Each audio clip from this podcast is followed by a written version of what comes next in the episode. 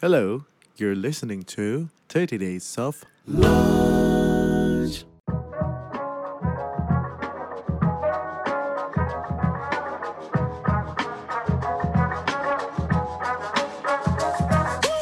virality itu bisa di plan, tapi kita yang menentukan plannya. Netizen yang memutuskan nasibnya kita. Oh gitu. Jadi sih balik lagi itu adalah memahami user kita ini siapa. Pembeli-pembeli saya ini siapa, dia ngikutin siapa sih selebnya. Ngomongin mengenai situasi saat ini, nggak lepas dari pandemi dan sederet efek-efek yang ditimbulkan. Mulai dari kesehatan, pekerjaan, dan juga pendidikan untuk anak. Tantangannya banyak. Tantangan untuk para orang tua dalam menghadapi learn from home perlu dijawab dengan solusi yang inovatif. Salah satunya adalah Lenovo Aware. Fitur yang ditawarkan oleh Lenovo ini akan sangat ngebantu para orang tua dalam menghadapi tantangan learn from home. Fitur ini membantu dalam menjaga kondisi anak dalam belajar dalam hal gesture anak duduk, perhatian anak kepada layar laptop, dan jarak anak terhadap laptop. Ketika hal-hal tersebut tidak sesuai dengan yang seharusnya, misal jarak anak terhadap laptop terlalu dekat, maka akan ada sound notification yang berbunyi untuk mengingatkan hal tersebut. Lenovo Aware tersedia di Lenovo IdeaPad Slim 3. Produk ini ditawarkan Lenovo dengan harga yang cukup terjangkau dan sudah termasuk dengan Office Home Student 2019 yang dapat menjawab tantangan learn from home yang para orang tua hadapi. Untuk lebih detailnya, kalian bisa cek di Instagramnya at Lenovo ID. Halo teman-teman semua, selamat datang kembali di 30 Days of Lunch. Hari ini kita kedatangan seorang narasumber yang udah gue tunggu-tunggu banget. Terakhir ketemu sama Koriki ini waktu nikahan saya ya? Iya betul. Cukup lama udah ya. Cukup lama banget. Saya mau kenalin dulu teman-teman. Jadi Koriki ini adalah Global Marketing Director Iya. dari Mayora. Uh, mungkin teman-teman nggak gitu aware nama Mayora ya, terutama kalau milenial dan Gen Z. Tapi saya nih teman-teman, kalau belanja grocery, istri saya udah tahu pasti ada Astor yang kaleng. Wah, Ya. terima kasih, terima kasih. Dan di rumah kebetulan uh, beberapa kali juga kita stok up-nya galon sile mineral gitu. Hmm. Nah, ini jadi menarik nih, Koriki. Total ada berapa brand yang Koriki manage? Oke, kalau globally sih kita sekarang udah di atas 50 merek. Wow. Jadi kita ada di 8 kategori dan mungkin satu-satunya perusahaan Indonesia yang sudah ekspor ke 100 negara ya. Wow. Jadi Indonesia bisa. Indonesia bisa. 50% income-nya dari ekspor. 50% Untuk Mayora. income dari ekspor. Betul. Wow. Nah teman-teman, em, kenapa gue ngajak Koriki ke sini? Karena sebenarnya penasaran satu hal aja sih, Hmm. yang akhirnya ke trigger ke yang lain-lain. Oke. Karena waktu lagi nonton Vincenzo, tiba-tiba kok muncul ini Kopiko ya, gitu. Salah satu produknya Mayora juga, gitu, yang legendaris banget. Nah mungkin saya mau mulai dari situ, habis itu nanti teman-teman kita akan bisa belajar dari Koriki yang udah berpengalaman lebih dari 20 tahun, gimana eh, konsep eh, experience-nya Koriki di marketing bisa kita praktekkan juga di bisnis kita, atau mungkin teman-teman yang UMKM juga bisa pelajari. Gitu. Nah kita kembali ke Kopiko dulu nih Kopiko. highlight hari ini nih. Biar penasaran dia tidurnya nyenyak gitu ya. Sebelum Kopiko di Vincenzo, kita udah dibikin heboh dengan Kopiko ada di luar angkasa. Ada dua angkasa. Iya, iya. Pertanyaan saya, yang mana yang direncanakan, yang mana yang enggak? Oke. Waduh, spot on banget ya. Jadi kalau yang keluar angkasa itu sebenarnya nggak direncanakan dan bukan kita yang buat. Wow. Jadi back in 2000 and- itu 2017 itu. Iya, iya. Jadi Kopiko itu dibawa timnya NASA. Jadi Oke. ke outer space. Iya. Dan kebetulan ada di Twitternya mereka. Bahkan kita taunya dari orang. Oh karena ada orang yang mention, eh kok ada Kopiko di Twitternya NASA gitu ya? Betul, heboh lah di situ. Hmm. Dan waktu itu kita juga pengen tahu dan sampai dengan saat ini sebelum sebenarnya juga NASA tuh nggak bisa dikontak ya. Oh, dan iya? mereka tidak memperbolehkan endorse apa pun selama masih aktif di NASA ternyata. Hmm. Dan setelah kita pikir-pikir kenapa bisa ya? Oh, kita sebenarnya produknya sudah dijual di US. Jadi Kopiko Candy itu widely available lah di US. Oke. Dan sepertinya mereka waktu itu acara Thanksgiving. Jadi Oke. mereka bisa bawa produk yang mereka suka. Apparently yang dibawa itu Kopiko Candy. I see. Nah, jadi mungkin kalau kita lihat kita tanya-tanya orang US, mereka suka karena eh, kopinya itu berasa banget. Jadi Walaupun bentuk candy permennya betul. paling menyerupai coffee shop kita nyebut. Jadi itu tidak direncanakan. pre marketing ya. Free marketing. Waktu itu pas dapat berita itu happy banget dok. Wah gila ini gratis nih di endorse. sangat happy banget ya. Kapan lagi kita ke sana gitu kan, counter space kan. Jadi nggak hanya dinikmati di dunia, tapi juga di luar angkasa. Boleh ngeklaim nggak tuh ke Muri kalau jadi permen pertama yang masuk luar angkasa? Mudah-mudahan ya. Mudah-mudahan. Good idea. Nah kalau yang di Vincenzo kalau gitu berarti ya aku asumsi ada kerjasama lah ya sama mereka ya. Tapi pertanyaanku adalah belum banyak brand yang berani untuk masuk ke Korean drama. Hmm, Selain brand Korea sendiri. Betul. Maksudku aku ngelihat mau mobil Korea tuh ya udah sehari-hari aja di situ kan. hmm, nah iya. Tapi apa yang meyakinkan Ko Ricky untuk ini kayaknya punya potensi untuk ngedrive business result gitu. Bakal ngefek ke marketing Oke, gua. Oke, oke. Jadi pertama memang persis banget yang katanya Ruby bilang tadi, nggak banyak yang advertise, terutama brand Indonesia di Korean drama. Itu satu fakta. Iya. Nah, fakta kedua kita ngelihat kalau kita beriklan atau insert lah produk built-in di sana akan Ya. menjadi sesuatu yang sangat terlihat pastinya. Hmm. Karena kan kita berperang untuk mencari attention dari Iya. konsumen pastinya. Iya. Nah, fakta kedua kita ngelihat bahwa sebenarnya Korean drama nggak hanya dinikmati di Indonesia. Hmm. Jadi besar sekali dia dinikmati di US, Filipina, Oke. kadang-kadang juga di berbagai negara di Middle East seperti Arab Saudi. Oke. Ya, jadi dan termasuk di India. Nah, Oke. kebetulan di negara-negara yang kita lihat Korean dramanya besar, Ya. produk kopiku sudah tersedia. I Jadi see. basis pertimbangannya adalah nggak serta merta kita untuk oh market Indonesia gagah berani gitu. Jadi kebetulan kita ngelihat ini global brand juga loh kopiku. Hmm. Hmm. Nah Korean drama is a, apa tren yang lagi tinggi tingginya nih. Hmm. Nah di situlah kita beranikan diri fakta ketiga Ya. untuk mencoba berpartner dengan Korean drama. Keempat pengen sebenarnya nunjukin kebanggaan bahwa brand Indonesia sebenarnya bisa bersaing juga di pasar global. Oke. Nah itu juga apa ya salah satu cita-citanya kita dan kita beranikan dirilah masuk ke si Vincenzo. Itu cara masuknya gimana tuh? Karena seriesnya kan setahu saya udah berjalan, baru di tengah-tengah muncul tuh. Betul betul banget itu. Jadi kita juga ngulik-ngulik. Jadi sebenarnya kan pasti ada keraguan-raguan ini dramanya ngetop atau enggak dan ada berbagai pertimbangan yang kita lakukan. Hmm. Nah dari situ memang kita ah, konteksnya adalah ke PH-nya mereka, Ya. Production house mereka yang apparently memang ada perwakilan di Indonesia. Oh gitu. Betul. Agency atau emang perwakilan PH-nya? Perwakilan PH-nya lah yang ada di Indonesia. Oke. Betul. Tapi kita juga bekerja sama, kebetulan kita ada partner agency yang membantu kita melingkan setelahnya. Oke. Betul. Nah dari situ ada pembicaraan dan pertimbangan dan kita melihat oh jangan-jangan Vincenzo merupakan the next blockbuster nih. Hmm. Nah dari situ okelah kita niatkan. Dan ternyata waktu itu kan keluar episode pertamanya sebenarnya Kopiko belum ada. Iya benar belum. Betul, cuman di belakangnya adalah kredit title-nya yang keluar. Dan itu kan sudah pada heboh di Twitter. Hmm. hmm. Jadi orang ngeliat nih salah nggak, bener nggak? Dan pada questions mark baru di episode ke-14 sebenarnya keluar. Oke. Dua pertimbangan, memang syutingnya waktu itu kita oke-nya di tengah-tengah. Dan kita ngelihat, wah pada pada saat on the peak-nya drama tersebut bagus juga nih. Kalau kopikonya munculnya beberapa kali. I see. Aku ngerasa tadinya tuh luar biasa banget. Aku tuh nggak nonton Vincenzo, jujur ya. Iya. Yang suka banget tuh istriku. Nggak bisa Oke. berhenti dia. Tapi mimpinya pengen jadi Vincenzo. Mimpinya pengen jadi Vincenzo karena bisa sebeken itu gitu. Bisa bukan itu. Dan aku ngerasa kayaknya penempatannya juga sangat natural. Betul. Kayak menjadi bagian dari cerita. Hmm. Saya jadi ingat eh, film Interstellar.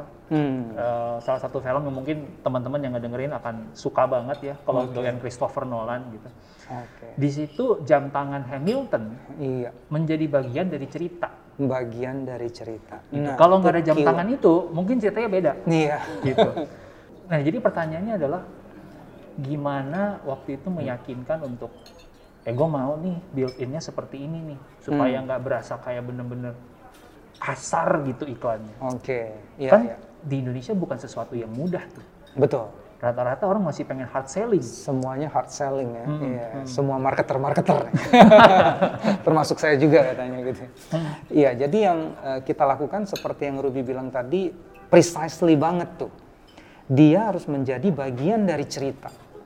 Nah, kebetulan kita ngomong bahwa Kopiko ini kan sebenarnya kita tuh more than just a candy. Hmm. It is a magic of pocket coffee sebenarnya. Hmm. Karena waktu dikeluarkan ini awal-awalnya nih sejarahnya Kopiko back Ya. in 1980 itu adalah Ya. orang tuh nggak punya bu- waktu buat nuang air panas buat kopi. Ya. Jadi di gimana ya kalau kopinya ini bisa on the go. Ya. Nah, berdasarkan histori itulah sebenarnya kita juga brief ke tim di sana. We need a context. Hmm. Kenapa dia butuh Kopiko ini? Nah, di situlah dia masuk jadi bagian dari story tadi. I see. Mm, jadi memang setuju banget gimana membuat build ini itu part of the story ya. Jadi nggak dipaksa. Kalau Jadi kita paksa juga audiens nolak ya. audiensnya nolak dan audiens sekarang milenial milenial Gen Z malah sekarang Iya. kan sangat-sangat cerdas ya. Iya, iya, iya, iya. Betul, betul. Tapi pada akhirnya eh, penempatan di Vincenzo ini so far apakah sesuai dengan ekspektasi atau gimana? Ya, jujurnya sih eh, di luar ekspektasi sedikit nih responnya. Ternyata dari Myanmar, Vietnam, Filipina, India, kehebohannya juga dirasakan di sana. Jadi tim kita di sana, waduh, merasa happy juga ya karena yang dilakukan satu tapi impactnya. Nah itu dia menurut kita adalah kita melakukannya dengan wisely karena brandnya itu memang terdistribusi di multiple country. Sayang banget kalau cuma di Indonesia kan. Iya, iya. Nah, di situ kita ngelihat win-win solutions lah ya. Tapi kalau kita tanya ke bisnis result, apakah ini naikin sales? Kalau saya lihat lebih ke arah brand equity building. I see. Asosiasi yang kita create, pengen lebih dekat brandnya ke anak-anak muda. Iya. Jadi not necessarily itu hard sell. Oke. Hard sell ada channel khusus lah bisa Oke. gitu. Tapi yang membuat kita terkejut adalah semua ibu-ibu pencinta Vincenzo mencari juga Kopiko blister katanya. ada yang sampai import katanya. Padahal di Indonesia sih sudah ada. Oh gitu. Di berbagai negara kan blister pack belum ada. Oh, Jadi dia benar-benar beli di e-commerce dari Amazon. Oh, karena Jadi spesifik pengen yang bentuk blister itu. yang dimakan sama si Vincenzo. Menarik ya jadi ya. Jadi di menarik situ ya. ah, ah, Jadi create demand ya. create demand juga bagi yang belum pernah. Tapi bagi yang sudah ada rasa bangga. Jadi mereka juga kita ngeliat komen-komennya sangat positif. Ya. Nah menurut saya sih itu salah satu bagian dari brand building ya. Oke. Ini ngeliatnya long term banget sih Koel. Ngelihatnya long term betul. Harus ya. Kalau orang brand harus long term. Harus long term harus ya? long term. Jadi jadi ke trigger soal tadi nggak expect untuk rame serame itu. Seramai. Mungkin bahasa orang adalah Mm-mm. somewhat viral lah pada Iya, masanya. betul. Tapi tadi juga kita sempat ngobrol gitu, Mhm. Koriki bahwa di salah satu event malah Koriki orang yang bilang bahwa digital tuh nggak ngepek ke gua. nah, Boleh tuh curhat gitu boleh, ya? boleh, boleh. Iya, iya. Jadi mungkin ya saya eh, bukan bukan saya nggak percaya digital, Iya, tapi digital perlu suatu solusi. Iya. Saya rasa solusi ada di sini. amin, amin. si Ruby. Nah, eh, tantangan kita adalah sebenarnya digital itu kalau kita beriklan di digital terutama. Nah, bagian sebagian orang makanya di digital jangan beriklan. Harus masuknya itu pinter. Hmm. Nah, kalau kita beriklan di digital, nah kayak pendengar-pendengar di sini mereka kita tanya, iklan apa yang diingat di digital? Terutama yang berkaitan dengan fast moving consumer good. Iya. Nggak ada yang ingat. Ingat pun mungkin Grab, Tokopedia, Traveloka. Hmm. Tapi kita tanya, pesan apa yang disampaikan? Atau ingat nggak pesannya apa? Ingatnya dua, promo, diskon. Jadi Itu iya banget. itu iya banget, iya kan? banget ngabisin budget marketing. Budget marketing, betul betul. Tugasnya kita sebagai customer ngabisin budget marketing. betul betul.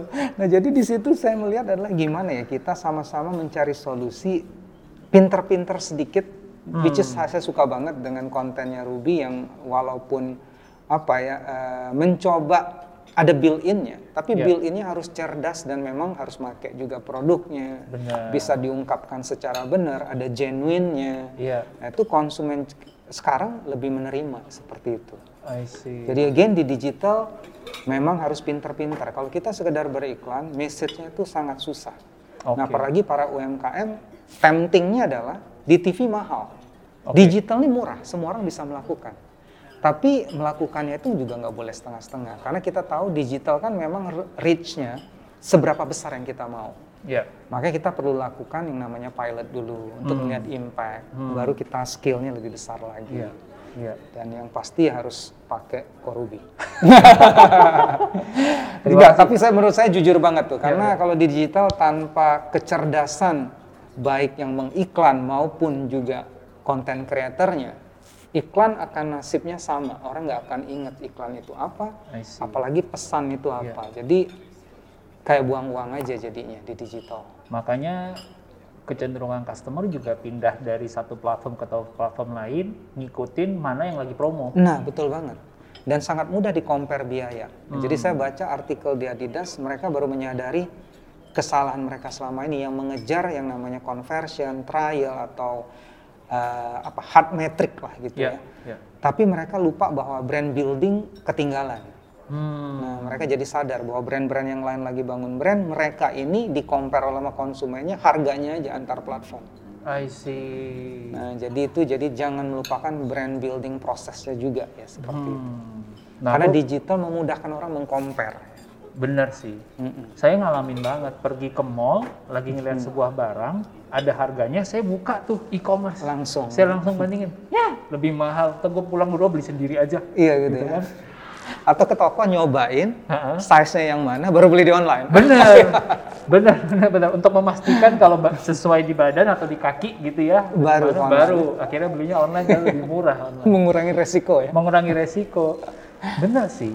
Jadi digital itu perlakuannya nggak bisa sesimpel kita seperti kita masuk ke iklan gitu ya. Iklan di TV betul sekali. Mm-mm. Tadi ada satu insight yang menarik waktu Koriki cerita bagaimana bedanya di Indonesia sama di China. Hmm, hmm, hmm. Boleh cerita nggak? Iya oke. Nah, Ini menarik juga nih. Jadi kalau di China misalnya mereka beli kopi satu saset harga 2000. Ya. Tapi mereka karena memang dari segi eh, infrastruktur yang ada sama dari yang paling penting tuh behavior konsumennya yang beda.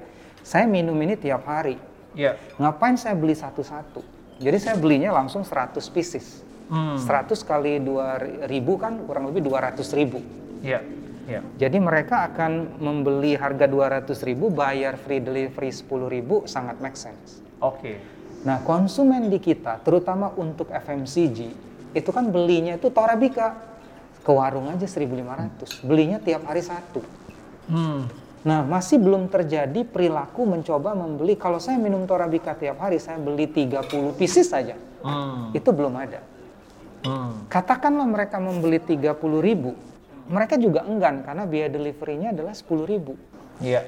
30 persennya biaya delivery. Oke. Nah, jadi itu yang memang agak susah masih. Jadi pertama, free delivery merupakan suatu tantangan tersendiri. Hmm. Kedua, perilaku konsumen untuk barang-barang yang daily FMCG, Hmm. kebiasaan kita kadang-kadang belum membeli dalam partai yang besar. Hmm. Di China sebaliknya. Mereka Oke. sudah terbiasa beli, jadi belinya in bulk. Oke. Jadi sangat make sense. Oke.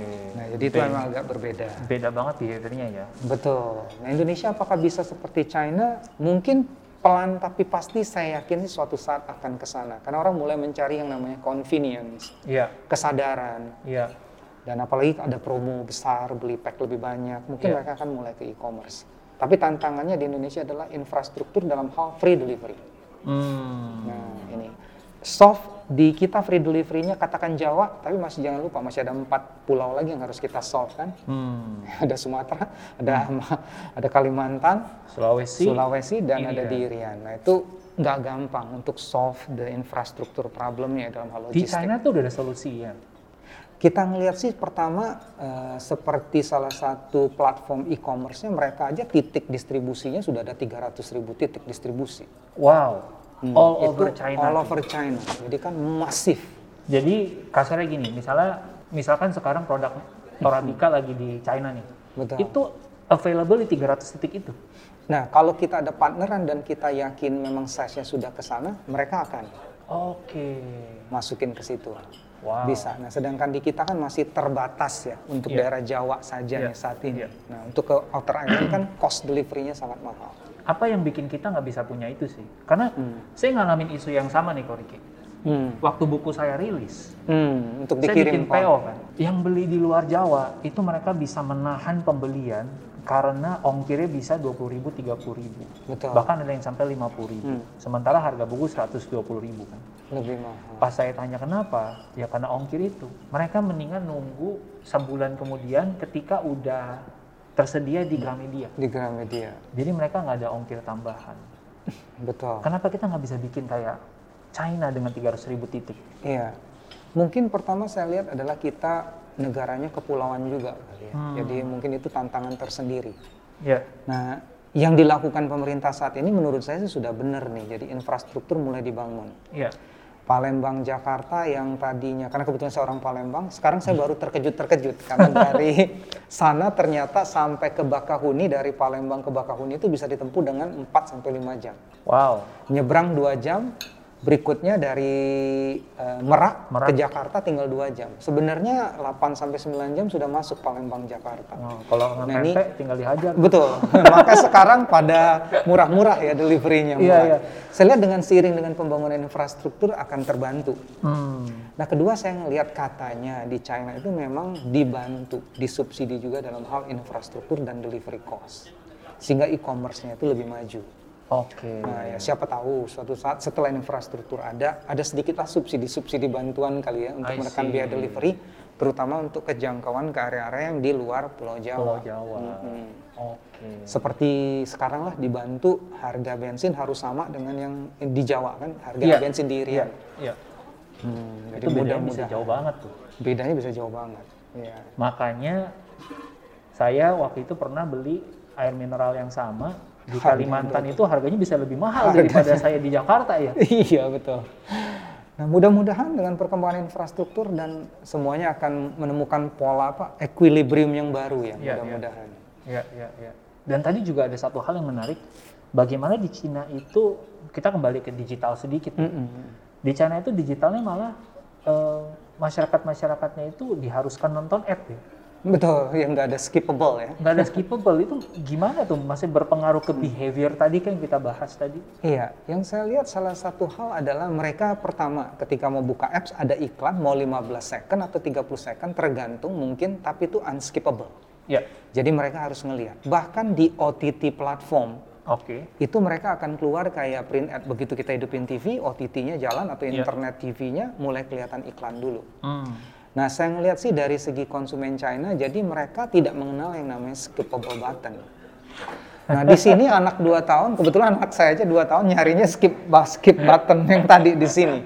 Jadi kita disuruh ignore hal-hal yang tidak kita inginkan. Kalau di China mungkin kayak sesuatu yang is a given ya. Ya, Nah kedua yang saya ngelihat menariknya ini adalah kalau kayak kita ngelihat WeChat platform, Ya. WeChat itu setelah saya lihat-lihat mereka gabungan antara payment, Facebook, Ya. sama WhatsApp.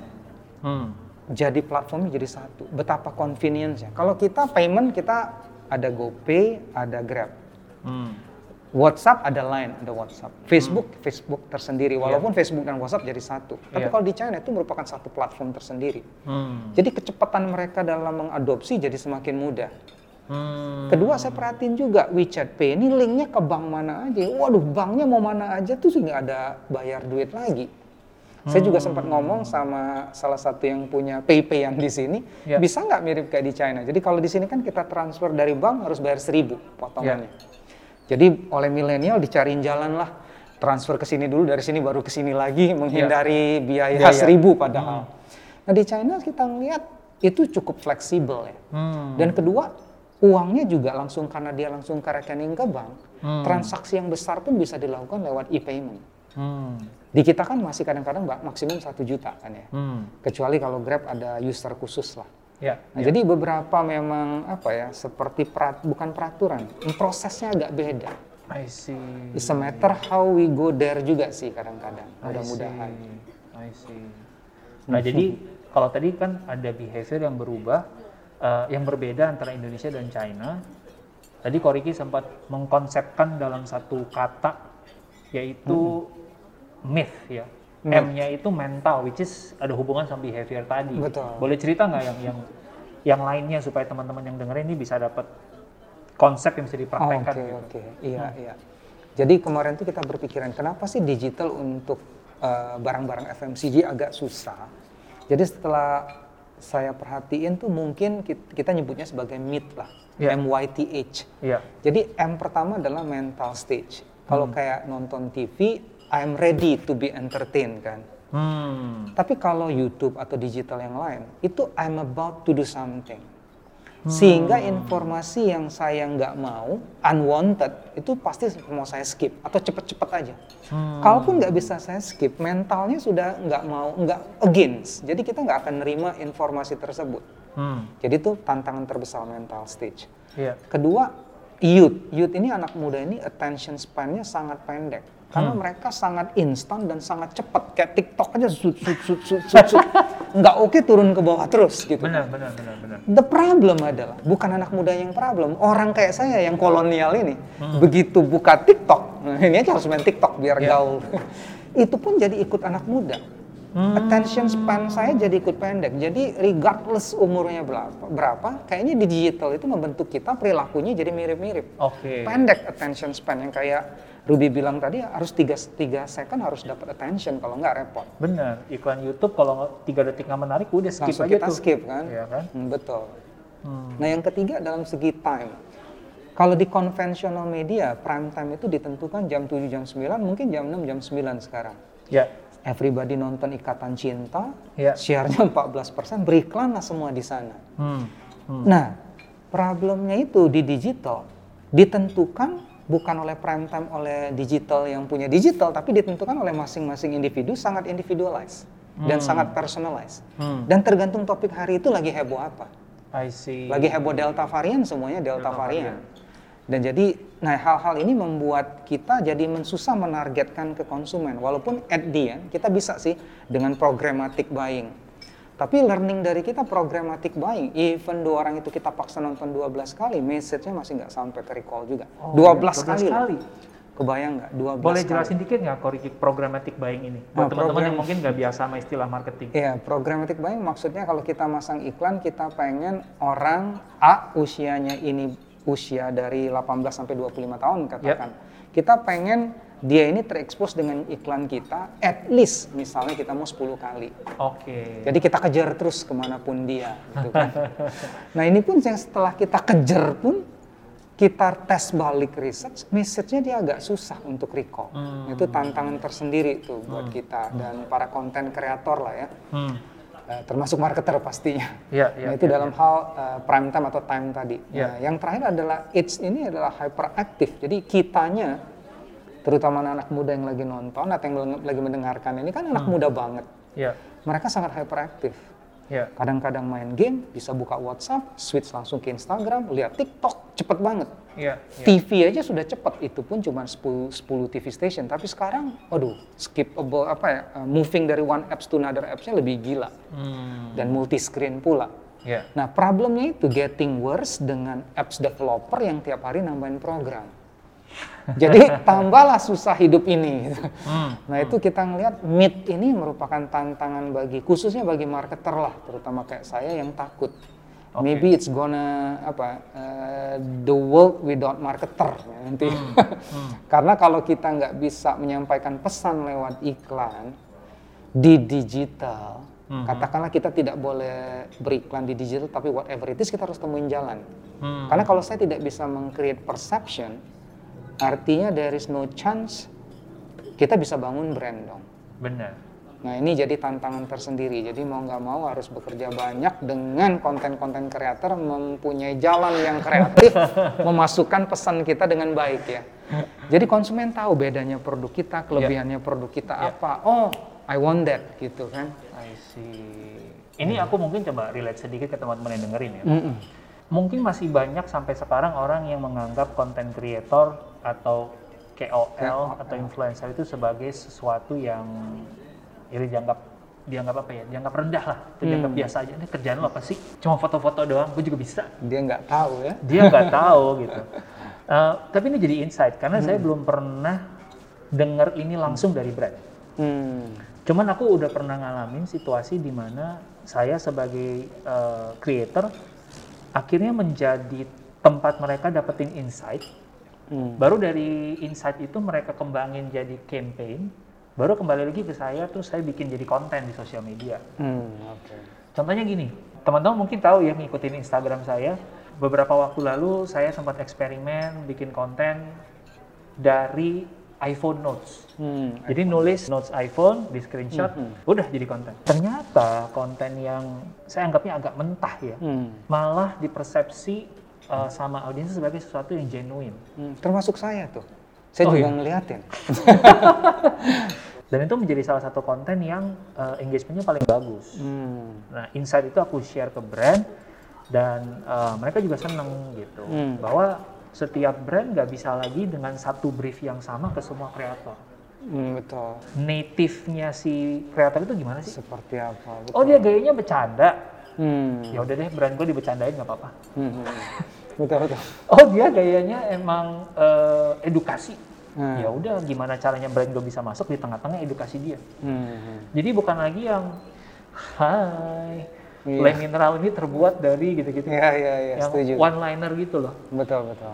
Em, tapi membuat aku jadi bertanya-tanya gitu kan, apakah eh, kembali ke Vincenzo Hmm. dan Kopiko yang akhirnya bisa viral, apakah viral itu sesuatu yang bisa kita plan? Oke, good question, Stan. Beliefnya saya sebenarnya virality itu bisa di plan, Hmm. tapi kita yang menentukan plannya, Hmm. netizen yang memutuskan nasibnya kita. Oh gitu. Jadi intinya adalah plan bisa, tapi Iya. itu nggak gampang bagi saya. Jadi memang kalau dicari rumus virality itu bagi saya memang bel- belum ada rumus pastinya. Tapi kalau kita ngomong di plan, pasti bisa. Hmm. Nah, seperti kita memang, tapi tergantung apakah sesuai ekspektasi atau di luar ekspektasi atau di bawah ekspektasi itu yang kita susah ukur. Ya. Kayak kita waktu masukin uh, Kopiko di Vincenzo, kita rasa ini mempunyai aspek virality Ya. dan kita plankan. Hmm. Tapi kita nggak tahu tuh seberapa besar until kita It ngelihat happen. keja- ke- it happens. Betul. Wow. Jadi memang ini butuh ramuan dan butuh kerjasama berbagai pihak ya. Kalau dengan konten creator juga harus punya punya apa ya hubungan yang baik dan insight yang tepat. Iya. Nah saya rasa at the end balik lagi virality itu kan artinya netizen sukarela menyebarkan. Iya. Nah itu harus ada what is in it for me.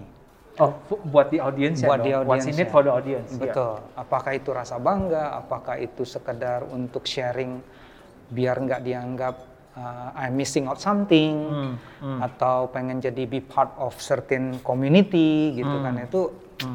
Istilahnya kita tuh ada kalau di Simon Sinek ada dopamin, oksitosin, Hmm. Hmm. apalagi serotonin, oksitosin, dopamin dan Ya. endorfin. Endorfin daya sakit biasanya kita nggak pakai. Dopamin yang thriller, suatu Oke. yang humor, seram. Nah, cenderung kan iklan-iklan yang bagus ada hal itunya. Hmm. Atau serotonin yang membangkitkan rasa bangga. Happy. Jadi kita lihat sih happy, betul. Nah itu mungkin ada yang mau sharing. Jadi memang balik lagi, apakah itu touch ke sisi emosionalnya dari segi audience ya. Oke. Balik lagi keywordnya adalah sisi emosi sih kalau saya lihat. Hmm. Jadi pinter-pinternya kita, content creator memainkan emosi audience lah ya. Iya, iya, iya. Saya ngalamin banget sih itu. Di YouTube ya, Hmm. em, saya baru coba beberapa bulan terakhir, eh, setahun lah kurang lebih.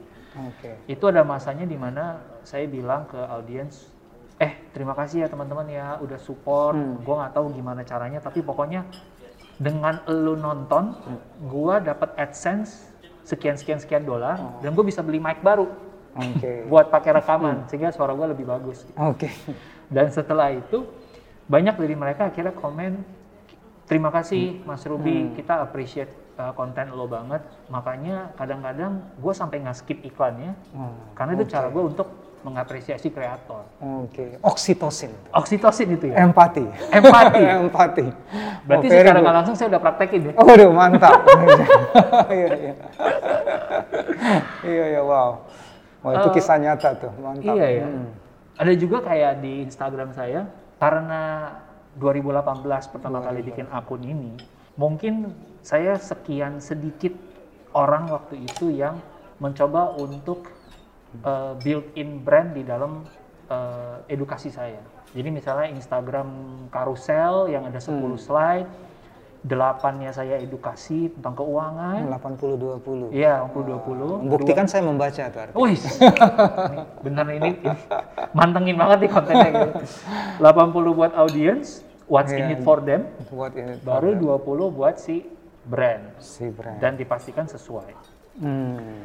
Akhirnya audience juga mulai eh, teman-teman yang melihatnya makin makin banyak yang komen, gue suka nih gaya lu Mas Rup halus. Halo. Ini yang gue tunggu-tunggu nih. Gue justru penasaran gimana cara bridgingnya. Jadi komen-komen kayak gitu malah makin muncul. Iya, iya. Mereka malah jadi excited melihat abis ini lo mau cara bridgingnya bagaimana lagi Ya, nih? masuk ke brandnya juga mau baca jadi. Iya kan? Iya, iya, Iya. iya.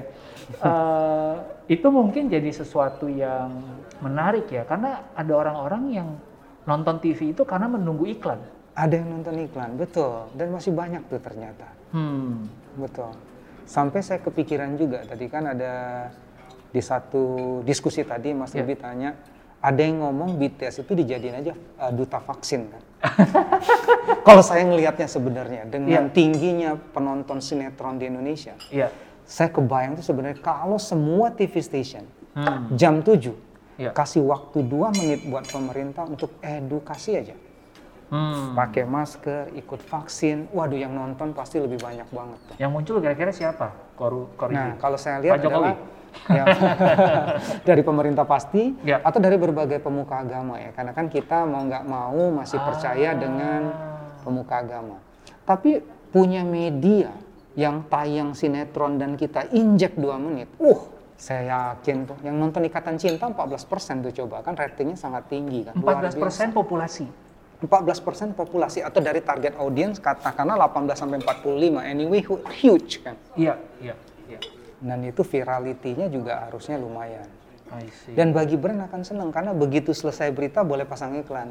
TV station kan charge lagi kan. Iya, iya, iya, iya, iya, iya. Kalau memang mau mengedukasi ya, menurut saya sih boleh tuh memanfaatkan media TV lah saat ini yang ada. Iya. Digital pastilah dia ada. Ada, iya. Tapi unfortunately kan tidak semua lapisan ya Benar. terekspos dengan digital. Digital. Kita masih growing stage lah. Iya, iya. Harusnya mereka bikin FGD dulu ya sama marketing-marketing guru kayak Kori kayak gini terus kayak 700 triliunnya bisa Boleh, dimanfaatkan dengan baik Iya, itu. mudah-mudahan dinonton jubir pemerintah. Oke, nanti TV station ngomel ke kita nih katanya. Gara-gara acara ini nih, ini slotnya diambil dua menit. Gak apa-apa lah dua menit. Pemerintah tetap bayar kok. Iya, iya. Oh iya betul banget. Hey guys, siapa yang selama pandemi ini berat badan malah naik? Gimana nggak naik? Seringnya di rumah, olahraga jadi jarang. Kita harus hati-hati. Berat badan yang berlebih meningkatkan risiko obesitas dan diabetes. Salah satunya adalah dengan cara jaga berat badan. Dengan pilih cemilan yang lebih baik. Memang ada cemilan yang lebih baik? Ada dong. Coba ini. Tropicana Slim Hokkaido Cheese Cookies. Snack bebas gula dengan rasa keju khas Hokkaido yang enak. Hanya 100 kalori di setiap sasetnya. Karena bebas gula, Tropicana Slim Hokkaido Cheese Cookies pas banget untuk yang diabetes dan diet. Ngemil pun jadi nggak perlu khawatir lagi deh. Langsung beli dan stok di rumah. Belinya di sebagian besar Indomaret di Pulau Jawa dan sebagian besar Alfamidi di seluruh Indonesia. Yo. Em, mungkin aku sedikit tarik. Tadi kita udah belajar soal kebingungannya, kesusahannya marketing, gimana caranya viral, konsep-konsep yang udah dipakai. Sedikit ke UMKM. UMKM ya. menarik. tapi saya selalu senang belajar itu dari praktek. dari praktek. Ya. Gimana UMKM sekarang yang mungkin karena pandemi mereka harus memulai sesuatu yang baru, mungkin mereka tutup usahanya memulai sesuatu yang baru. Apa sih yang harus diperhatikan kalau dari ilmu-ilmu marketing yang ada waktu menciptakan sebuah produk dan menemukan marketnya? Oke, ya ya. Good questions juga sih. Hmm. Saya juga jujur masih terus belajar, makanya masih ngikutin yang ditulis eh, Mas Ruby apa aja. Ya, enak Sama harus belajar dengan Gen Z ini juga harus banyak belajar ya. TikTok mau nggak mau Ya. juga saya harus belajar karena Kalau enggak, gimana kita mau paham perilaku dan behavior mereka kan? Iya, iya.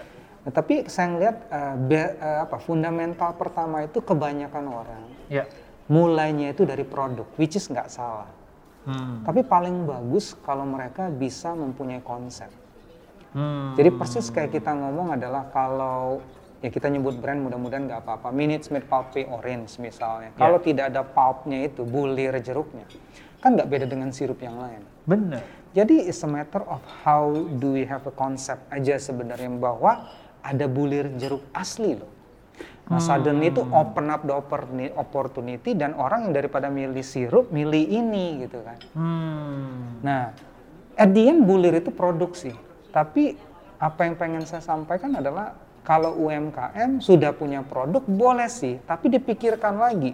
Do I have a strong concept atau enggak? Saya punya konsep yang kuat atau enggak? Nah, kalau konsep yang kuat itu artinya apa? Dia mempunyai right of win. Gimana gimana? Punya right of win atau kenapa kita menang lawan yang lain? Punya alasan untuk menang ya? Betul. Karena kan di dalam dunia ini apa pun dan uniknya produk Anda, Hmm. nggak ada yang baru di dunia ini biasanya. Hmm.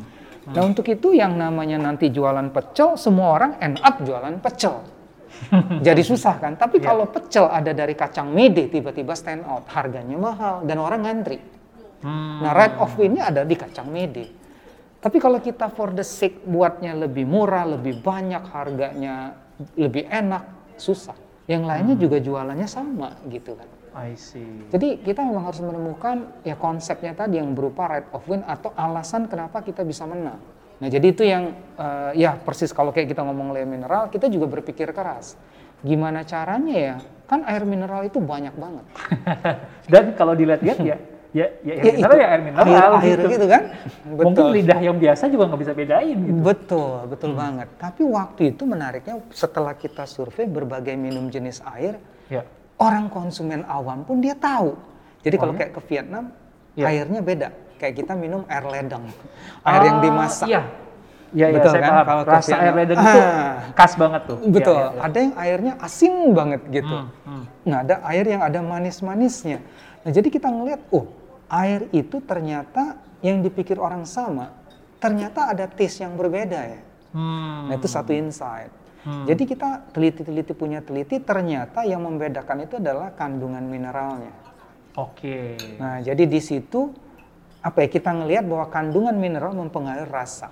Nah, makanya karena eh, waktu itu kita nyari pembedanya ada manis-manisnya di le mineral. Hmm. Nah, di samping itu pembeda lain itu yang itu kan takutnya orang nggak semuanya tahu dong. Atau nggak semuanya suka ada manis-manis? Nggak semua ada manis-manisnya gitu kan. Nah, makanya harus diedukasi bahwa kita yakinkanlah sumbernya dari pilihan, Hmm. dari pegunung yang terpilih. Tapi nggak cukup yang lain juga dari sumber terpilih. Bener. Oke, yang tiga kita ngomong, nih buktiin botolnya keras sebelum dibuka. Hmm. Kenapa keras sebelum dibuka? Artinya dia mencegah oksidasi, kan, biar mineralnya nggak rusak. I see. Pas orang beli, uh bener ya, kerasnya mantep. Hmm. Pas dibuka, Anda lihat ini lebih tebal, lebih tinggi, bukanya nggak sakit. Kadang-kadang ada air mineral, kalau kita buka, Oh, iya. wes, airnya muncrat. Bener pipih banget gitu ya. Pipih banget, karena Iya, mau iya, cost saving. Hmm. Ya sakit bukanya, tangan sakit, airnya keluar. Dan kedua, pegangan di sini pun dipikirkan baik-baik. Oke. Ada orang yang lurus, kalau yang di sini kan enggak. Hmm. Jadi balik lagi kalau ke UMKM adalah di samping alasan kenapa kita menang ke orang, dan kedua itu diimplementasikan ke di desain ya. Hmm. Nah, apalagi yang di sini kan jagonya desain. Jadi itu sangat penting lah gitu kan. Sampai Apple aja didesain di California. California. Jadi, Hmm. jadi balik lagi memang utamanya adalah mencari pembeda atau alasan kenapa kita lebih menang dibandingin orang lain. Oke. Sehingga memberikan alasan bagi orang mau mencoba produk kita. I see. Atau istilah kerennya differentiation. Tapi saya takut kalau kita ngomong point of differentiation, orang jadi blunder, jadi bingung gitu. Oh, pokoknya asal beda aja. Hmm. Tapi yang paling penting adalah yang bermakna pembedanya sehingga orang at least mau coba dulu deh. Oke. Nah, kedua, di desainnya harus cakep sesuai dengan positioning. Nah, yang ketiga untuk UMKM sering kali saya lihat, mungkin saya salah, mudah-mudahan Ya. packagingnya minimalis, betul zaman now. Hmm. Tapi brandnya juga minimalis. atau brandnya itu tidak ada merek. Hmm. Nah ini yang atau mereknya itu ya seadanya, Hmm. terlalu generik Maksudnya dalam dalam sisi namanya. dari segi namanya. Misalnya kopi enak. Hmm. Nah problemnya kalau kopi enak itu sekarang mereka nggak nggak ada masalah karena jualannya belum besar. Hmm. Tapi berikutnya kan tidak tidak kemungkinan orang lain akan membuat kopi enak juga namanya. Benar. Nah ketika Kopi anda enak mau hanya dua. Betul. Ketika Anda mau trademark, ternyata it's nggak boleh kopi enak karena terlalu generik. Oh. Nah itu problem kedua lagi. I see. Atau kalau sudah ada brand kayak di kita, Torabika mau masuk ke China, eh nggak boleh. Karena di sana sudah di trademark orang. Apalagi di China, pinter banget. Semua merek kayaknya di trademark sama mereka. Jadi sekarang katanya ada protokol Madrid jadi gampang. Kita selalu kita brand kita sekali, kita bisa lewat protokol itu bisa select beberapa negara ada certain fee.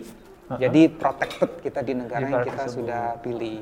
Hmm. Nah, jadi brandnya itu benar-benar kalau bisa unik, Oke. sesuai dengan produk yang kita jual, Hmm. enggak bertentangan Ya. gitu kan. Dan apa gampang diingat, tidak mempunyai konotasi negatif. Nah, Hmm. bagi saya sih sangat penting dan berikutnya yang cakep-cakep lah itu. Kelihatannya cepet ya tadi diceritainnya. Mm-mm. Tapi proses dari pertama kali mengkonsepkan le mineral sampai akhirnya jadi ini nih konsep yang pakem itu berapa lama waktu itu? Itu kita sih lebih dari eh, hampir dua tahun ya. Dua Hampir tahun. dua tahun Yang gitu diributin selama dua tahun itu apa? iya, aja? jadi kan terus riset riset terus kan. Pertama Iya. kan mencari insight bahwa air itu beda rasanya kan kita nggak kepikiran Hmm. until melakukan riset kan. Hmm. Nah, riset pun harus hati-hati karena kayak keras sebelum dibuka. Kata Steve Jobs, nggak bisa kita menanyakan konsumen untuk produk yang tidak ada. Benar. Siapa yang kepikiran soal keras apa enggak? Betul sekali. Keras atau tidak ini pertama bagus untuk produk tidak oksidasi. Kedua dalam pengiriman dia akan steady. I see. Makanya Kokoh ya? botol-botolnya kokoh dan tidak ada gesekan plastik antar plastik menjadi jelek. I see. Itu dapatnya dari mana? Nah itu ya memang itu ada part, nah itu dia tuh. Makanya lama itu adalah perlunya product development, perlunya orang R&D, perlunya orang marketing, perlunya kita riset konsumen, itu jadi satu. Hmm. Kalau di ya mungkin di startup pun ada namanya cross function team lah, walaupun timnya kecil itu lagi itu lagi gitu. Tapi Iya, iya. menurut kita adalah itu sangat penting dalam proses apa ya kolaborasi antar within departemen kita sendiri yang terlihat kecil. Iya, iya. Jadi orang dari divisi yang beda-beda digabungin gitu Betul. ya, supaya saling ributin hal yang sama nih, berdebat. Betul. Betul. John Eve pun perlu tahu kan katanya hardware-nya mau gimana. Iya, Waktu iya. membuat si Apple kan untuk ngedesain sedemikian cantiknya. Benar. Jadi ini memang harus kolaborasi yang luar biasa. Nah itu lama. Riset aja butuh waktu lama. Hmm. Kedua testing. G-check bener atau enggak konsep Jadi dibikin kita. prototipe dulu gitu ya? prototipe dulu. Terus kita buat konsep satu apa, konsep dua apa, konsep tiga apa. Nah konsep yang terpilih yang yang terakhir yang kita luncurin ini. Hmm. Jadi itu kan takes time. Hmm. Ya, tapi tidak semuanya juga yang butuh waktu selama itu sih. Ada beberapa produk yang mungkin bisa lebih cepat. Iya, iya. Nah, karena klik biasanya kan yang punya jiwa entrepreneur, nah itu dia tuh, itu susah dicari memang. Karena idenya ada aja. Hmm. Sometimes itu nggak perlu di riset mereka. Iya. Tapi kita ngomong itu kok bisa sukses nggak perlu di riset? Hmm. Ya, karena dia tidak pakai riset tapi sudah masuk ke kriteria-kriteria yang kita omongin tadi sebenarnya. Benar. In nature ya, by nature maksudnya. Iya, iya. Tapi orang-orang anak muda kan suka menyalahkan, nggak perlu riset. Hmm. Nah, salah juga. Atau mengandalkan semuanya riset juga salah. Hmm. Jadi balance antara gut feeling sama apa ya? kita harus measure lah Hmm. uh, beberapa hal harusnya sih cukup oke. Oke. Jadi tetap ada unsur riset, ada unsur intuisinya juga ya? Intuisinya juga harus betul. Ya, Mungkin karena Koriki udah 20 tahun, Koriki. Jadi intuisinya kuat. Nah, bagi saya itu bener banget tuh. Kalau bagi startup-startup ini adalah mereka jangan takut untuk ngobrol sama orang. Hmm. Jadi kalau sudah punya ide, bagi saya sih mereka harus banyak ngobrol. Hmm. Biar menemukan celah problem yang harus di solve. Oke. Karena bagi saya nanti termasuk pertanyaan Pak Ruby tadi, gimana sih kalau kita mau invest ke UMKM gitu kan, yang dicari Iya, iya. apa kan gitu kan. Hmm. Hmm. Balik lagi kan adalah kategori apa pun bagi kita akan sama, yang penting dia solve satu human issue Ya. Atau kedua, solve business issues. Oke. Kalau tidak ada solving this kind of issue, startup sekeren apa pun akan susah. Hmm. Tapi kalau kita ngeliat, ah Gojek, men-solve banget ini. Barang-barang, apakah GoFood-nya, apakah Gojek-nya, itu kan Iya. membantu masalah banget. Nah itu tik lah bagi kita. Hmm. Tapi kedua, kita ngeliat kalau dia sudah membantu bisnis atau membantu manusia, bedanya dia dengan yang lain apa? Hmm. Nah kalau bedanya tipis-tipis, Hmm. aduh, dan dia masih baru berat nih kayaknya. Iya. Nah itu PR-nya harus mencari pembeda lagi ya. Si right to win, Right, iya, right to win atau right of win betul. right of win. Betul. Coba aku kasih challenge ya, Kori. Iya. Karena buat UMKM ini mungkin teman-teman yang dengerin akan muncul ya kan gue nggak punya dua tahun buat riset Iya, iya, gitu ya, betul. atau bikin prototype gitu. Seandainya nih kita sekarang se- punya sebuah produk gitu ya, contoh lah misalnya pisang goreng deh, Pisang goreng. gitu. Coba boleh di share nggak cara pikirnya Koriki ketika dikasih pisang goreng untuk mencari right of win tadi itu akan kayak gimana? Oke, iya benar juga. Tapi balik lagi itu betul. Tidak semuanya punya waktu dua tahun. Iya. Dan sekarang pun perusahaan-perusahaan besar lainnya itu Iya. mencoba menjadi kayak startup. Hmm. Tapi polanya adalah mereka test and trial, pilot dulu. Oke. Di smaller area. Nah itu yang kita lakukan juga. Mau nggak mau kita harus begitu. Iya. Karena belajar agility-nya dari orang startup. Iya. Tapi balik ke pertanyaannya tadi adalah kalau pisang. Nah bagi saya ini sekarang adalah sebelum saya menjual pisang, saya akan nyari dulu. Pisang goreng kan sudah banyak. Saya akan ngelis tuh. Mm-mm. Pisang goreng yang laku ini pisang goreng madu. Iya, Bu Nani. Bu ya. Nani kan, nah pisang goreng tanduk, Iya. cek. Ada lagi yang di rumah yang saya suka beli itu pisang goreng raja, tik. Hmm. Pisang gorengnya khusus dari pakai pisang goreng raja. Iya. Hmm. Hmm. Semuanya ini saya list, semuanya ada. Hmm. Terus saya sekarang kan merasa saya punya produk enak kok, gitu kan? Iya. Boleh saya percaya diri enak. Iya. Saya masak, terus saya bandingin dengan yang terenak dari yang lain ini. Saya lihat bedanya ada atau enggak. Hmm. Kalau saya rasa saya tidak mempunyai pembeda, itu saya harus mikir-mikir lagi. Hmm. Mendingan gak usah terjun Mendingannya jangan goreng. dulu. Iya. Atau saya milih ke area yang memang belum dimasukin Ibu Nani. Oke. Mungkin. Nah, jadi saya akan pergi ke wilayah yang tidak ada Bu Nani duluan. Hmm. Saya mungkin bisa jadi raja kayak Ibu Nani version, tapi di daerah itu. Mungkin saya di Sulawesi Tenggara gitu. Bisa jadi. bisa jadi. Tapi kalau pikiran sekarang asumsinya mau go nasional gitu kan. Iya, iya. Udah saya akan berpikiran aja kalau gitu pisang gorengnya ini crispy-nya. Hmm. Pernah tahu Ovomaltine? Tahu. Semua tahu. orang punya bread spread biasa. Bener. Tapi Ovomaltine laku karena ada crispy-crispy-nya. Itu. Nah sekarang ada nggak pisang goreng yang luarnya kriuk-kriuk seperti itu? Kriuknya semua dari tepung. Oh saya sekarang mau ganti bahan. Ini saya ngarang ya, saya Hmm. Ngarang, ngarang, apa yang nggak ada. Yang penting Nah, pola pikirnya dulu. Betul, tapi crunchy-crunchy yang garing-garing ini akan menambah experience pada saat saya makan pisangnya itu. Betul. Kayak Ibu Nani makan pisang ada madunya. Betul. Nah, ketika crispy-nya sudah ada, pembedanya sudah jelas, konsepnya oke, itu pun saya nggak boleh pede tuh. Hmm. Saya akan tes dulu jualannya dulu kan. Hmm. Itu yang enak saya aja sendiri atau yang beli ini kemungkinan juga suka. Apakah segitu banyak orang yang suka crispy? Betul. Jangan-jangan justru karena nggak karena nggak suka crispy orang pilih Bu Nani. Betul. Nah, itu dia jadi subjektivitas terutama di owner harus kita redam. Oke. Kalau semakin kita punya intuisi, semakin kita punya experience, biasanya intuisinya jelas. Hmm. Tapi kan kalau anak muda kan bukan berarti anak muda nggak akan sukses, tapi wajiblah dites intuisinya. Betul. Dan riset nggak perlu mahal, dia cuma 10-20 orang untuk diliatin aja. Benar. Hari ini dilihat, dilihat. Jadi risetnya bagi saya nggak perlu skill yang besar. Betul. Bahkan ke keluarga sendiri, ke anak sendiri, ke mana Iya. sendiri. Selama Iya. kita tahu feedbacknya genuine akan membantu. Hmm. Nah setelah pembedanya kurang lebih kita ada, oh mungkin saya gabungan ya. Hmm. Mungkin saya gabungan pisangnya khusus raja karena manisnya beda. Ya. Pakai crispy lagi. Hmm. Jadi saya namain Raja Crispy mungkin. Wah ini intuisinya jalan banget udah langsung ada nama, oke? Raja Crispy. Nah, di situ saya akan mulai berbicara brandnya apa ya. Nah, brand ini yang harus menunjukkan bedanya saya dengan orang lain. Hmm. Kalau Bu Noni mungkin kan madu. Hmm. Pisang goreng madu udah sangat kuat. Iya. Pisang goreng raja. Nah, saya mau ke mana jualannya? Hmm. Tapi kalau orangnya aja namanya aja susah diingat, Hmm. nggak relate ke positioning yang kita mau, ya Iya. susah. Ya.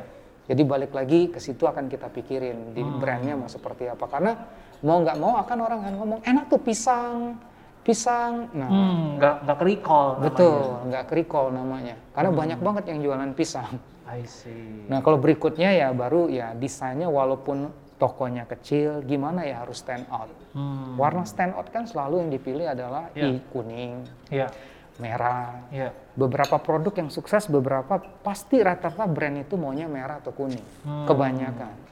Atau mungkin ya yang desain lebih ngerti lah, Hmm. kayak Mas Ruby lebih paham lagi. Nah Ya. mungkin lebih banyak ngobrol, ikutnya kelas Mas Ruby, ditanya lagi peranan warna dalam hal desain. Ya, ya. Karena itu mau nggak mau akan apa ya, membuat kita noleh lah kalau ada jualan pisang baru lagi Ya, yang pakai ya. kulitnya crispy.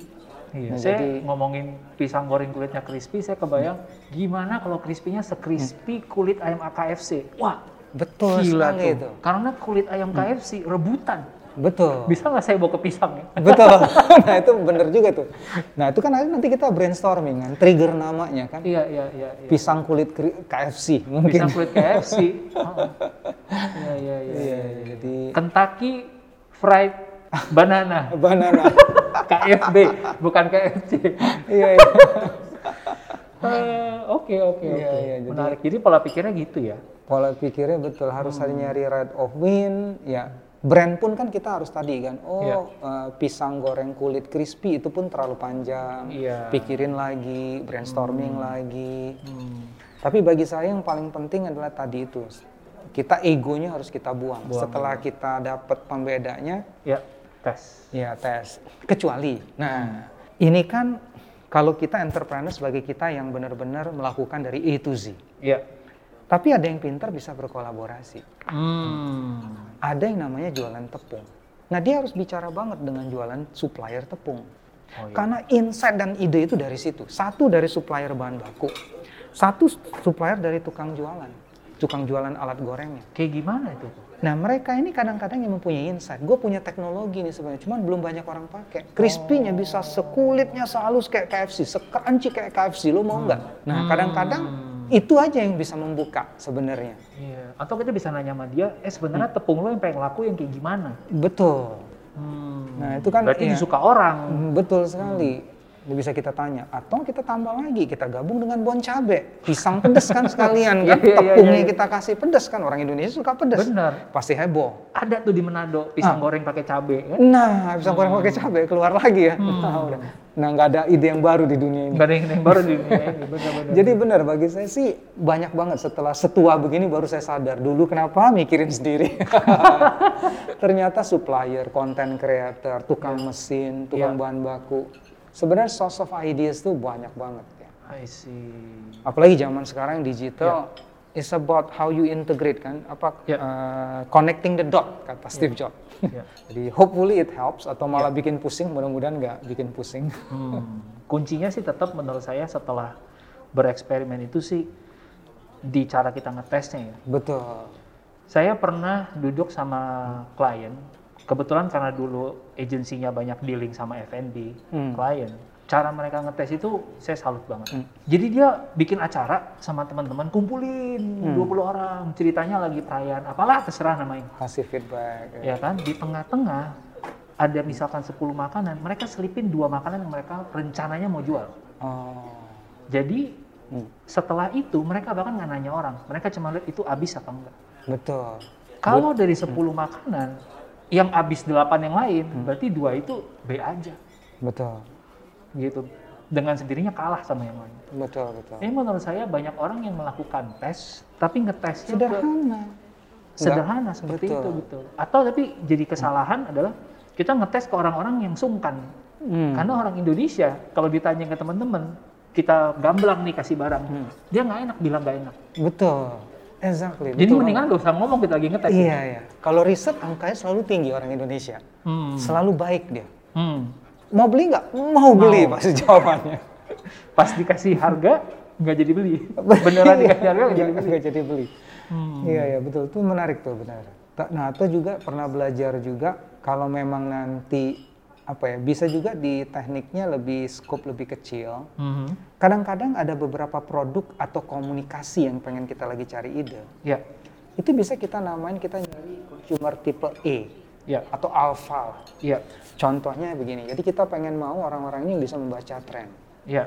Contohnya kalau ke anak SMP atau SMA, beliau ini harus apa ya eh, ketua geng, I see. informal leader, Oke. eh, pemain band, Ya. pokoknya bisa ngelit tim-timnya lah, Hmm. atau ketua osis. Nah ini orang-orang ini yang kita ngeliat tipe yang A, Alpha. di mana alpha, di mana tipe pendapatnya ini akan bisa mempengaruhi walaupun dikit, kita akan bisa ngebaca either trend atau komunikasi style kita itu akan diterima oleh mas orang mas apa ya punya style atau enggak. Nah inilah Oke. atau istilah kerennya kalau mau viral kita pakai top top seleb, KOL itu kan sebenarnya bantu untuk jadi ngetop. Iya. Tapi di riset pun kadang-kadang kita bisa sih mencari orang-orang yang seperti ini Si Alpha ini ya. si Alpha ini. Nah, kalau brand Anda merasa perlu, sebenarnya bisa juga. Dan biayanya kan nggak mahal. Hmm. Cuman ketemu beberapa orang, kita lakukan risetnya bahkan sendiri, Ya. dengan teknik seadanya, bagi saya sih nggak nggak parah-parah banget lah. Dibandingin judgement dari pribadi ya. Betul. Di right of win tadi. Right of win. Mm-mm. Boleh nggak kita masukin tren? Misal nih, misal Mm-mm. kita kembali ke Sangat. pisang goreng. Sekarang lagi rame burger. Saya bikin pisang goreng burger. Iya, iya. Boleh nggak? Wah, pertanyaan itu Iya, maksudnya. pertanyaan. Mm-mm. Pertanyaan itu, eh, menurut saya sih boleh. Tapi hati-hati ini tren ini, kadang-kadang kita harus tahu. Iya. kayak teh waktu dulu eh, kopi atau teh Thailand Oke. yang semuanya lagi heboh num-num Oh, semuanya Thai milk tea ya? Thai milk tea Iya. nah betul nah itu kadang-kadang kita harus spot tren itu long lasting atau enggak Oke. Caranya Nah. gimana? nah memang itu susah-susah gampang Oke. tapi biasanya kalau di industri FMCG yang namanya launching flavors Oke. itu tuh cepet naik tapi cepet turun Oke. flavor yang namanya apa ya rasa rasa apa ya snack saya rasanya yang aneh-aneh deh Hmm, hmm. rasa cucumber gitu tuh Oke. Uh, wintermelon Iya, nah iya, itu iya. biasanya yang bermain flavor nggak jangka panjang Oke. nah Insight kalau insight kan nah, kalau kita ngelihat milk tea sebenarnya kalau kita ngelihat waktu itu sih saya sudah merasa saya ini penggemar milk tea karena orang Sumatera ra- teh susu biasanya Iya, iya, iya. nah Thai milk tea ini kan heboh banget Hmm. Tapi saya juga ada keraguan apakah benar. Tapi sekarang benar-benar agak berkurang. Hmm. Jadi saya lihat tuh memang tidak semua orang suka. Jadi memang susah untuk ngelihat tren ini apakah long lasting atau enggak. Tapi memang kita harus ngelihat apakah orang yang beli itu repeat atau enggak sebenarnya. Hmm. Kalau dia repeat kemungkinan bukan hanya tren, tapi memang produknya oke. Hmm. Tapi lepas dari itu nggak ada yang tahu sih memang viral ini lama atau enggak. Hmm. Judgementnya kita, intuisinya kita sama lihat perilaku konsumen yang repeat atau enggak mudah-mudahan sih kebaca. I see. Tapi kalau di industri makanan dan minuman, flavors drink biasanya jarang. Teh pucuk kita jadi market leader, tapi itu cuma satu jasmine tea. Hmm. Kasih green tea. Suka nggak? Suka. Nanti ditanya ke Mas Ruby suka? Suka. Kalau ke Japanese restoran kan minumnya green tea terus. Hmm. Hmm. Tapi apakah semua orang yang kebanyakan orang Indonesia minum green tea lagi haus? Hmm. Enggak. Enggak. Nah, jadi bisa jadi tren rising trend nggak bisa jadi. Ocha drink bisa Iya. jadi. Tapi apakah akan jadi daily belum tentu. Belum tentu. Jadi, Jadi- dia mungkin sesaat naik, tapi tetap akan kalah sama yang emang everlasting ya. Rasa-rasa yang udah familiar sama Bet- lidah. Betul, betul. Oke. Iya, tapi kalau tren kayak tren pedas cukup lama akan ada. Karena kenapa orang Indonesia tipikalnya memang makan pedas. Pedes. Makanya omongannya pedes-pedes tuh. Ngomongnya pedas-pedas ya. Tapi memang agak paling susah itu sebagai seorang marketer memprediksi tren, itu setuju banget. Hmm. Tapi bagaimanapun kan tetap ya, bagi saya sih Ya. harus rajin-rajin keluar. Ya. Maksudnya sekarang pandemi. Ya. Tapi kalau kita semakin ngelihat ke negara lain Ya. keluar, pasti ada somewhere di sananya yang sudah bereksperience yang sesuatu hal yang sama bisa kita pelajari lah. Ya. Ya. Nah kedua memang ngelihat tren ini, kalau saya kan ada pertanyaan tadi Mas Ruby juga, Hmm. ada yang namanya technology adoption life cycle tuh kalau orang di marketing lah.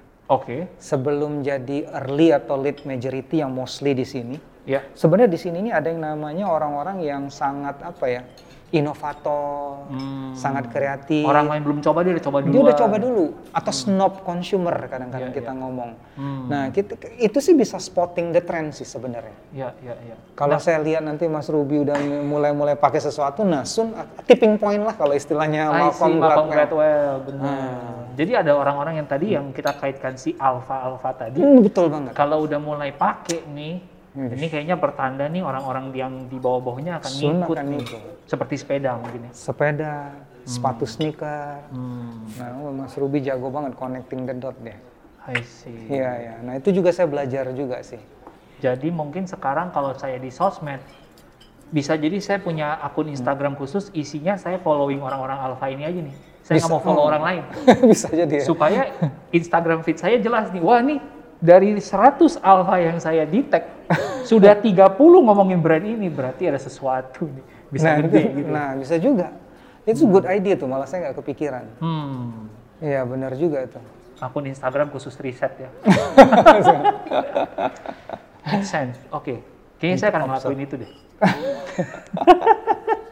Biasanya kan dari satu dua orang ya dan berkembang biasanya. berkembang benar-benar tapi kebaca sih orang-orang yang rata-rata trendsetter itu adalah orang-orang yang cepat banget Hmm, mengadopsi sesuatu gitu betul. saya punya teman-teman yang ketika sepeda lagi rame Hmm. bahkan sebelum pandemi itu saya nemenin dia ke London beli Brompton bawa pulang Beli Brompton. Oh. 2018 Wah, itu sebelum harganya gila-gilaan naik. sebelum harganya gila-gilaan gitu. Oh. Terus eh, aku juga punya teman yang sebelum waktu itu ada masanya eh, sneakers, saya lupa Customize. Oh. eh, sneakersnya si Kanye West, Ah, Kanye West. ya kan? Oke. Easy. Easy. Ya, saat orang belum mulai pakai dia udah pakai duluan. Ah. Dan walaupun kita ngelihatnya dia trendsetter di dunia fashion, Hmm. di yang lain-lain juga ternyata ngikut. Jadi kalau dia nanti ada makanan baru yang lagi trending, dia cobain duluan tuh. Dia cobain dulu. Karena emang tipenya emang nyobain nyobain kayaknya. Jadi bagus sih nge-follow Iya, orang-orang ini. Betul betul. Ya, riset juga kita beda banget antara yang alpha orang alpha ini dengan orang yang biasa beda. Oke. Yang bikin beda apa nih?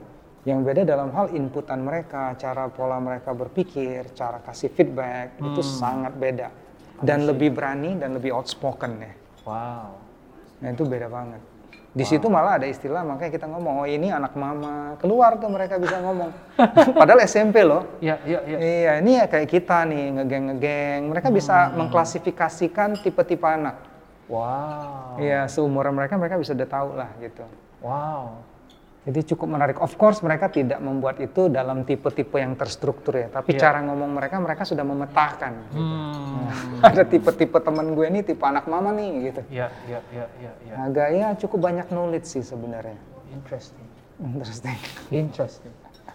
Aku mungkin akan wrap up dengan dua pertanyaan terakhir. Oke. Karena aku ngerasa tadi sejam obrolan kita ini udah banyak banget insight buat teman-teman ya yang ngedengerin. Em, semoga bisa langsung dipraktekkan teman-teman jangan kelamaan. Mumpung lagi dapat inspirasi gitu ya, catet kalau lu dapat sesuatu waktu lagi dengerin ini. Buat teman-teman UMKM yang nggak bisa atau belum lah ya, belum saatnya secara budget untuk afford Vincenzo, ya kan? Ada nggak sih eh, marketing hack yang low cost tapi high impact? Oke. Ya ya. Uh, good questions, hard to answer. Bener-bener karena permintaannya banyak maunya tuh low cost tapi high impact. Iya iya iya. Kalau saya lihat sih balik lagi tuh mungkin belum tentu 100% bisa diimplementasikan tapi at least way of thinking gitu ya.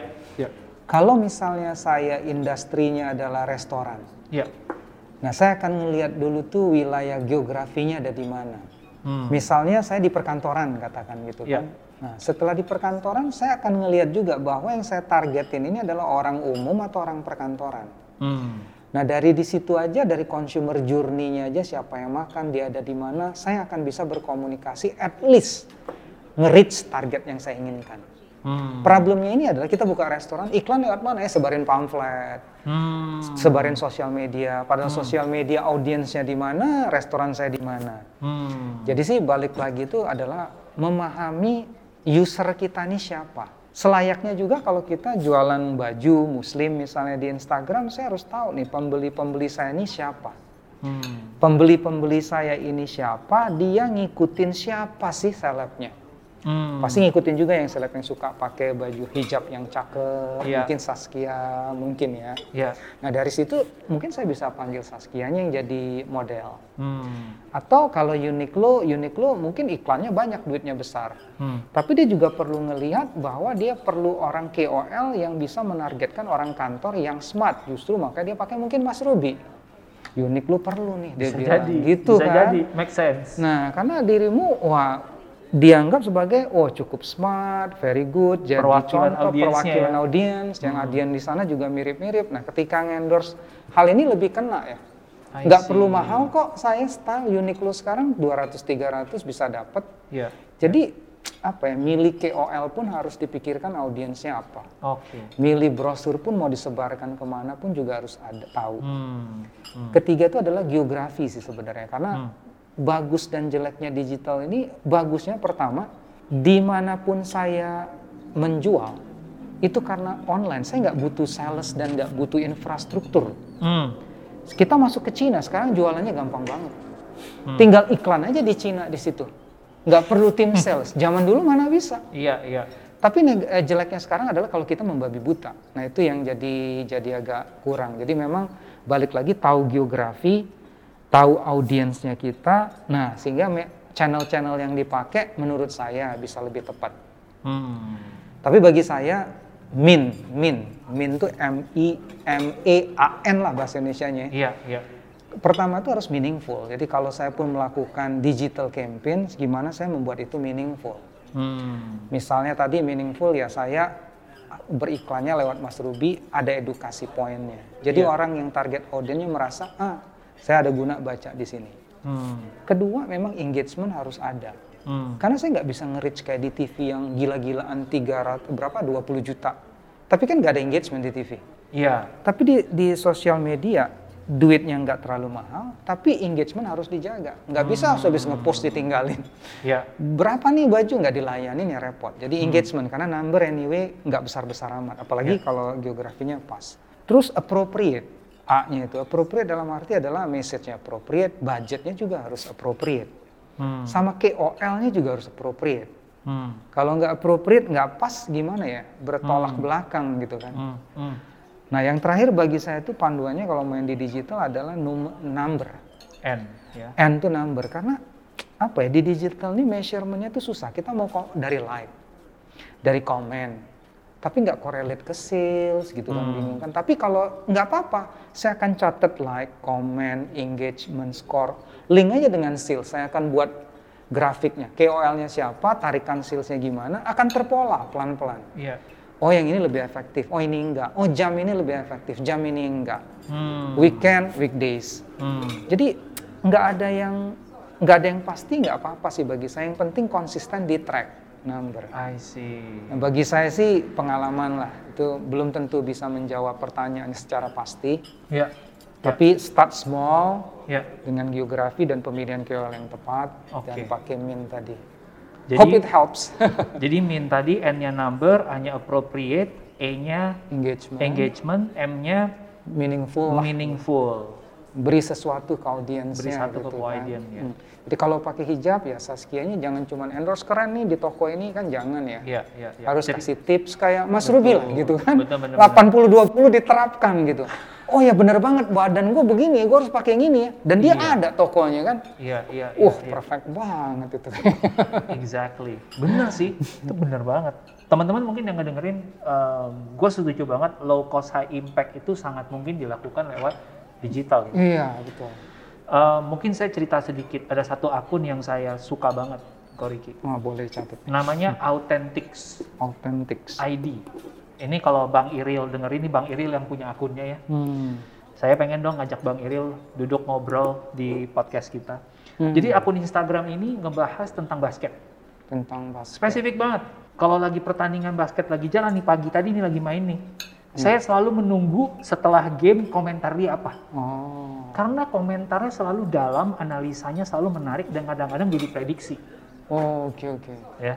Sekarang lagi playoff nih NBA nya. Oke, Bentar iya. lagi final. September ya nanti Yes. mulai. Nah, jadi dia konsisten bikin konten yang tentang NBA.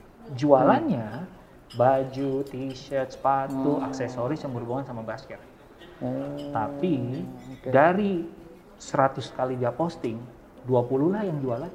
Iya, 80. 80 berinteraksi sama fans-fans NBA gitu. Hmm, itu dia tuh. Nah, yang saya pantengin banget adalah ada satu momen di mana dia mulai bikin t-shirt desain sendiri.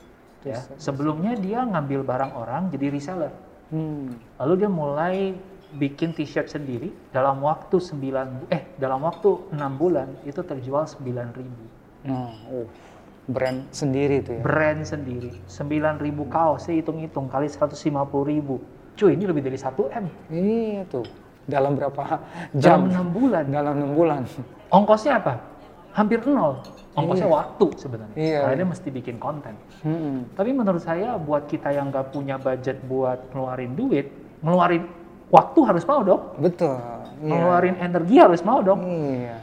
dan saya rasa itu trade off yang worth it sih Hmm. dan itu bisa dilakukan teman-teman lewat sosmed coba deh ngelihat Betul, akun betul. Authentics ID Authentics ID. nanti mungkin uh, Koriki juga. bisa review Mm-mm. tapi gua akan tutup di sini teman-teman karena ngobrol sama Koriki ini seru banget ya dari tadi ya sama-sama orang marketing nih soalnya Yes. Belajar banyak juga saya. Thank you, thank you, Terima thank kasih, you. thank you. Um, sekali lagi Koriki, thank you buat waktunya, Sama-sama. udah menyempatkan dari sini uh, sampai ke studio kita juga. Mungkin untuk menutup uh, Koriki buat teman-teman yang ngedengerin yang di usia 20-an, kalau mereka pengen Hmm. explore lebih lanjut, baca buku apa sih yang Koriki rekomendasikan? Hmm, ya. Kalau saya suka mungkin bukan buku marketing, Ya. kayak buku seperti Predictably Irrational Hmm, dan itu Ariely. dan Ariely itu Ya. saya suka banget. Hmm, Atau lagi kalau yang suka kita banyak berbicara right of win gitu ya. Ya. Ini recommended banget nih namanya Think Simple. think simple. Ken Siegel kalau nggak salah saya. Oke. Ken Siegel ini dia kayaknya pernah jadi konsultan atau agensinya si Steve Jobs. Oh, nice. Gimana simple simplicity itu sangat-sangat penting katanya. Hmm, hmm. Steve Jobs waktu ngedesain Apple apa Apple Store-nya itu dia cuman perlu satu, ada nggak compelling ideas more than everything yang orang lain punya. Wow. Kalau itu nggak compelling enough ya nggak oke katanya. Wow. Jadi end itu very simple katanya. Like other human thing gitu kan. Hmm. Jadi dia mengajak kita untuk berpikir think simple dan bukunya itu semua kisah nyata dari berbagai brand-brand yang dia kupas di Australia, di US. Jadi cukup cukup apa ya? Praktikal lah. Hmm, Saya lihat sih cukup saya cukup suka dua buku ini. wow. Wow. Iya. Mantap. Predictably Irrational saya sempat baca, Sudah baca, ya? tapi Think Simple saya akan cari langsung habis ini. Think simple. Sekali lagi thank you Koriki. Kalau teman-teman yang dengerin dapat manfaat, please please please please beli Astor. Oh enggak. Beli beng-beng. beli beng-beng. Enggak. Iya, iya. Eh, kalau emang doyan Semoga silahkan. sukses. Kalau Iya, gua sebagai duta Astor yang unofficial ya selalu ada di meja kerja. Teman-teman please say thank you ke Koriki. Mungkin bisa di tag di Instagram, boleh? Boleh. Atau di LinkedIn? Di Instagram boleh. Oh, di, di Instagram apa nih Koriki? Rafrianto. R.A. Frianto ya? R.A. Frianto. Oke, panjangan dari Ricky Afrianto. Riki Afrianto. Siap. Eh, dan mungkin kalau sini ada teman-teman yang tertarik sama marketing, ya, mungkin pengen ngobrol lebih lanjut, cobalah peruntungan Anda. Mana tahu Koriki pas lagi kosong. Boleh. Kata Mas Ruby kan harus memanage followers dengan baik ya. Iya. Thank you, thank you. Thank you banget Koriki, gue belajar banget hari ini. Sama-sama. Eh, dan sebagai penutup, eh, teman-teman, gue pengen dengar eh, di episode ini apa yang lo dapat, bagikan itu di sosial media. We will thank you a lot karena gue rasa banyak juga orang-orang yang butuh dengar, butuh belajar tentang ini. Sekian dan sampai ketemu lagi teman-teman di 3 Days of Lunch episode berikutnya. Bye.